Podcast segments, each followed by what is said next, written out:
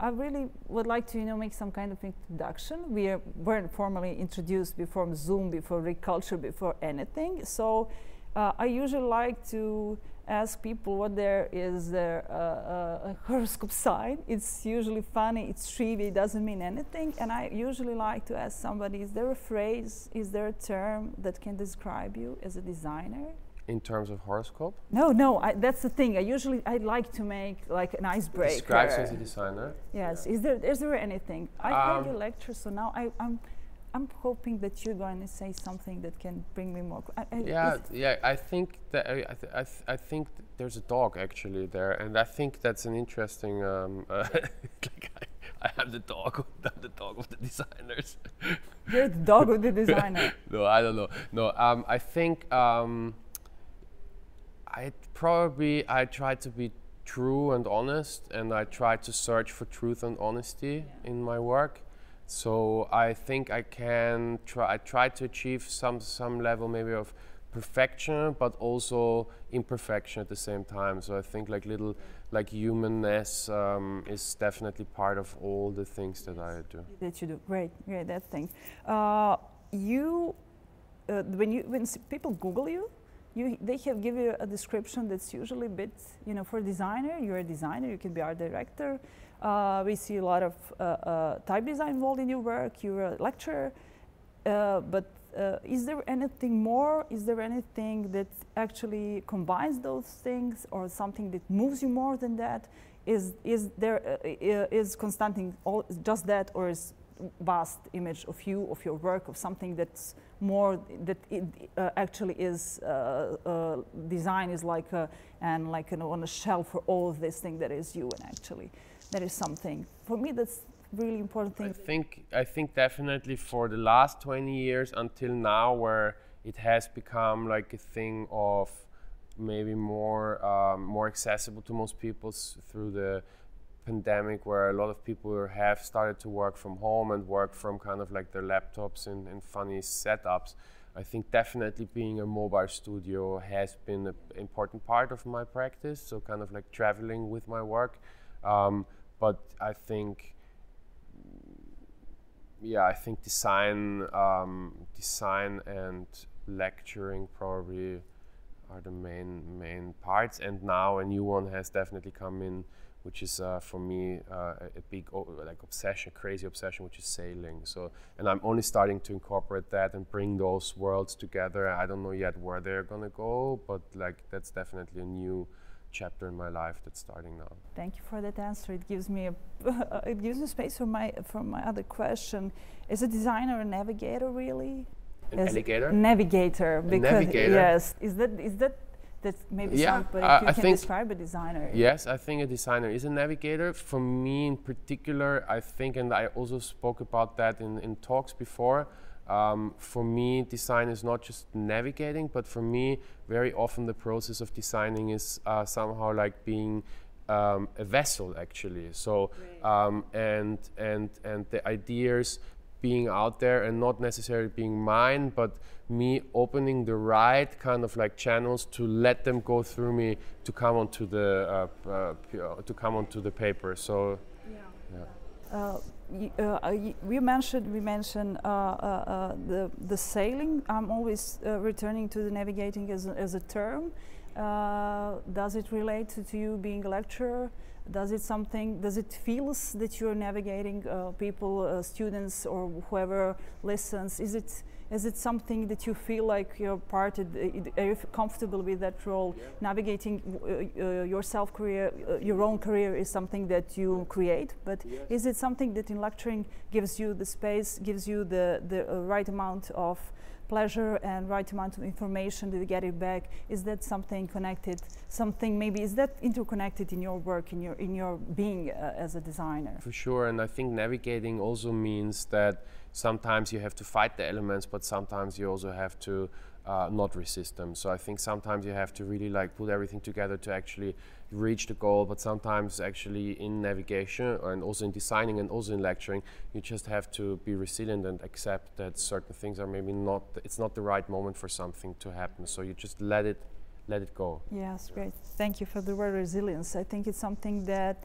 describes designers because we are sometimes we heard in a lot of lectures we know from the practice resilience is something that we all need sometimes during the clients with the students with every part we work uh, we are part of the pdp conference uh, they talk about shift we all shifted in year in last year everybody shifted in somewhere somehow yeah. uh, does shifts in your life uh, happen suddenly or gradually and are you welcoming them or you're just trying to fight it? What's your tendency to shifts? Do you embrace them like something good it's in your life and in your career or something that you try to avoid? I would like to know to know shifting. We, we live in shifting times yeah. that are shifting. We we don't know if we're going we are going to uh, again go in lockdowns or we're going to continue or what's going to happen for two years now. For some yeah. things that were just generally expected now are uh, completely uh, different. Yeah. What's your uh, uh, uh, again i think uh, speaking for myself and i think everyone needs to figure that out for themselves but i think speaking for myself it has to be a combination of um, you know like I, I think of it always has to be welcoming shifting. I think shifting is something that's always going to happen and to use it for yourself and but sometimes it's important to use that shift fight that shift also because you want to because it's testing you to get off your course but maybe the course you're sure that that's the course you want to stay on. But i think in a lot of times the shift should be something to be embraced and to be welcomed and to be taken seriously because it's there for a reason and it's there to bring you to new places where you maybe going to lose something that's important to you, but you're going to gain something that you don't know yet. So, is there any? Uh, uh, I usually thinks about shifts and things that are changing. Uh, are does shift needs to be tectonic, like something massive, or needs to be subtle to make difference? I think it has been almost tectonic for us. The late last one, you know, I think it was came kind of out of nowhere, even though a lot of people kind of could feel something like that coming sooner or later at some point. Like, but I think like it, it I think it, it, it both both is possible. I think shift can be something very gradually, very slowly, very approaching, kind of like creeping onto you, something or, or, or, being part of you. You know, that you carry with you, that you feel, and you just have to let it out. But um, it can be both. But again, I think it's it's it's I think there is no one rule how to approach shift. Yeah. Besides maybe the fact to welcome it. Yes, I think that's okay, like great. We have the same same opinion. Uh, uh, uh, I would like uh, in your work you we're going to shift some to some to questions that are more in discipline, that are more in design, that is more connected to me. Actually, I see a lot of typography and you you you design it. Uh, uh, does it always do, does it what do you prefer experimental or the one straight everything that is really slick slick and, and, perfect? What do you prefer what you more use in your yeah. design? What is something that is more common to your work? Uh, i think i'm obsessed with slick I, I love it but it's just not me i think I think there is there. I think for me, slick is uh, in you know in terms of this typography especially is something I, I really love and I look at and admire and I want it. To, I want to be able to do it, but but in the end, always something a little bit um, um, wobbly. A, a, a, wobbly element kind of comes in, and I think that is what what what makes it mine also um, in terms of design and but whenever I see something, so for example, today we saw the examples of Mucem. I love the work that has been done for them by Spassky Fischer.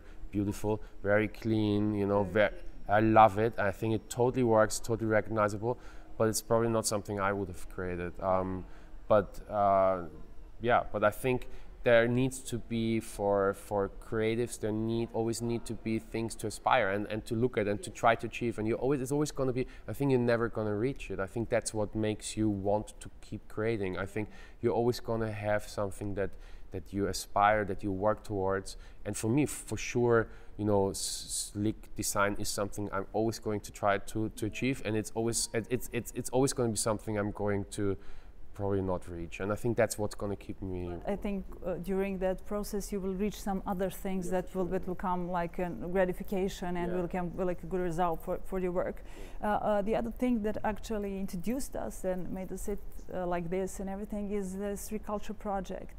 Uh, Reculture project is, you know, is, uh, when we say it, it's uh, when you, you see the good examples, it looks like some process that is really easy, easy, but it actually involves a lot of communication, a lot of work, a lot of understanding, a lot of different people from different structures that can actually make one thing work. And uh, uh, as the the previous uh, speakers told us, that's something that can actually connect and uh, and communicate with the community, yeah. with the people, and, and with the vast uh, amount uh, of people that can actually need to need to uh, take in the, those contents that were that can be available to them. Is there anything like an advice to the institutions to the somehow maybe on this in this area where we live is something that institutions are regarded like yeah. a stiff one mm. and maybe hard one to communicate. Mm. Is there anything that you can actually think like maybe advice or maybe yeah. like some uh, not formula but some kind of idea that can actually can give them like an universal advice that actually think that they can work with designers and that they can achieve that visibility and they, they can actually become uh, visible to, to, to, to the wider uh, area uh, to wider public. Absolutely and i think that doesn't only apply to institutions i think it applies to anyone being in a client position and that is to, to to to not to to understand the importance of a designer asking questions and being willing to explore these questions together. And I think something that I'm I'm doing and I'm also going to be mentoring here in this process is to find out which questions to ask um, because I think uh, you know asking the right questions is a really important part of finding of the navigation of finding finding your um, uh, you know your answers but also to, you know as a message maybe to a client or anyone being in a situation or in a position to to be you know to be working with someone who is actually helping them to define a visual communication so a communication that they're already doing but in a visual sense is that sometimes the questions might be uncomfortable and I think especially the uncomfortable questions are going to be the ones that are going to make the product better. Because I think that is going to be uh, finding out the weak points. And I think only once we understand the weak points, we're going to be able to turn them into an asset. And I think to turn like a, a, a, weakness into into a strength and I think that's the power I think that's something that's going to be really exciting to to, to, to explore in terms of rebranding, you know, cultural institutions that, that need rebranding in some way or the other. Yes, yes, yes, yes. They need to, to change the, it's not just the visibility, it's not just the visual, it's the visibility and the communication. It, it needs to, it, it's so many levels. Uh, uh, also this project in, on this, in or any other uh, project of that kind. Uh, we talked and uh, somehow uh, I define you through the things that I heard. You're a designer, you're a navigator. I find it quite inspiring. And uh, uh, in this thing that you usually, the first thing that you say, you're, you're a digital nomad. And how's it, you know, uh, navigation from that comes some like something like a normal thing. If you if you're going to be nomad, uh, does it, you know, does it sometimes like confront? If you have a navigation, it gives you a right direction. If you're a nomad, you you maybe it means that you things you, you of get uh, uh, pulled away or drawn away with some other things. Mm. How does it combine in your life and in your work the mm. thing that is actually you maybe something you know opposite?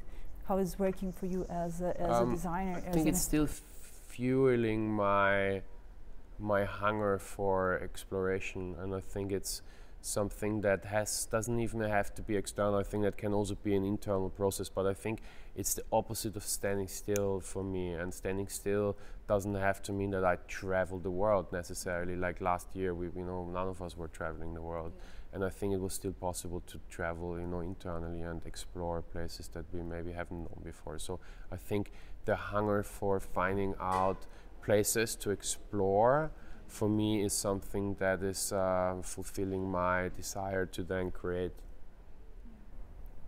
Okay, uh, well, that's the thing that I think, think that uh, actually makes portraits of you. Uh, I would like to thank you for this talk. Thank you very much. And it was really inspiring. You gave us a lot of uh, uh, good, say, terms and a lot of things that we and every uh, young designer can can actually uh, grab on and maybe uh, uh, uh finding them themselves. Uh, I usually like I work as a lecturer, and I usually I usually think that there are always some kinds of wisdom from others. Is there something that you think that young students need to know? Is there something from your experience that you actually think is you know something that maybe you wanted to hear? Something like an advice, like a motor, anything that you can uh, share with us that is actually for the students, for the young ones? I'm not sure if I'm already in the position to do that. I think like I'm not senior enough to be able to actually really. But if I can only look at my younger self, you know, like what I would tell my younger self, then it would be, you know, stay hungry and stay true to yourself and you know work hard, but work hard in being real as much as you possibly can to what you are. And I think like yeah I think that's that's that's probably the advice that I would try to give myself at least so. Yeah. okay that's I will end with this. Thank you the designer the navigator. For thank me you will always be the navigator and, and I think it's one of the greatest terms that you can actually yes it's a, it's a big with, yeah. with, uh, with our work and with what things we've done. Very much thanks very much. Thank you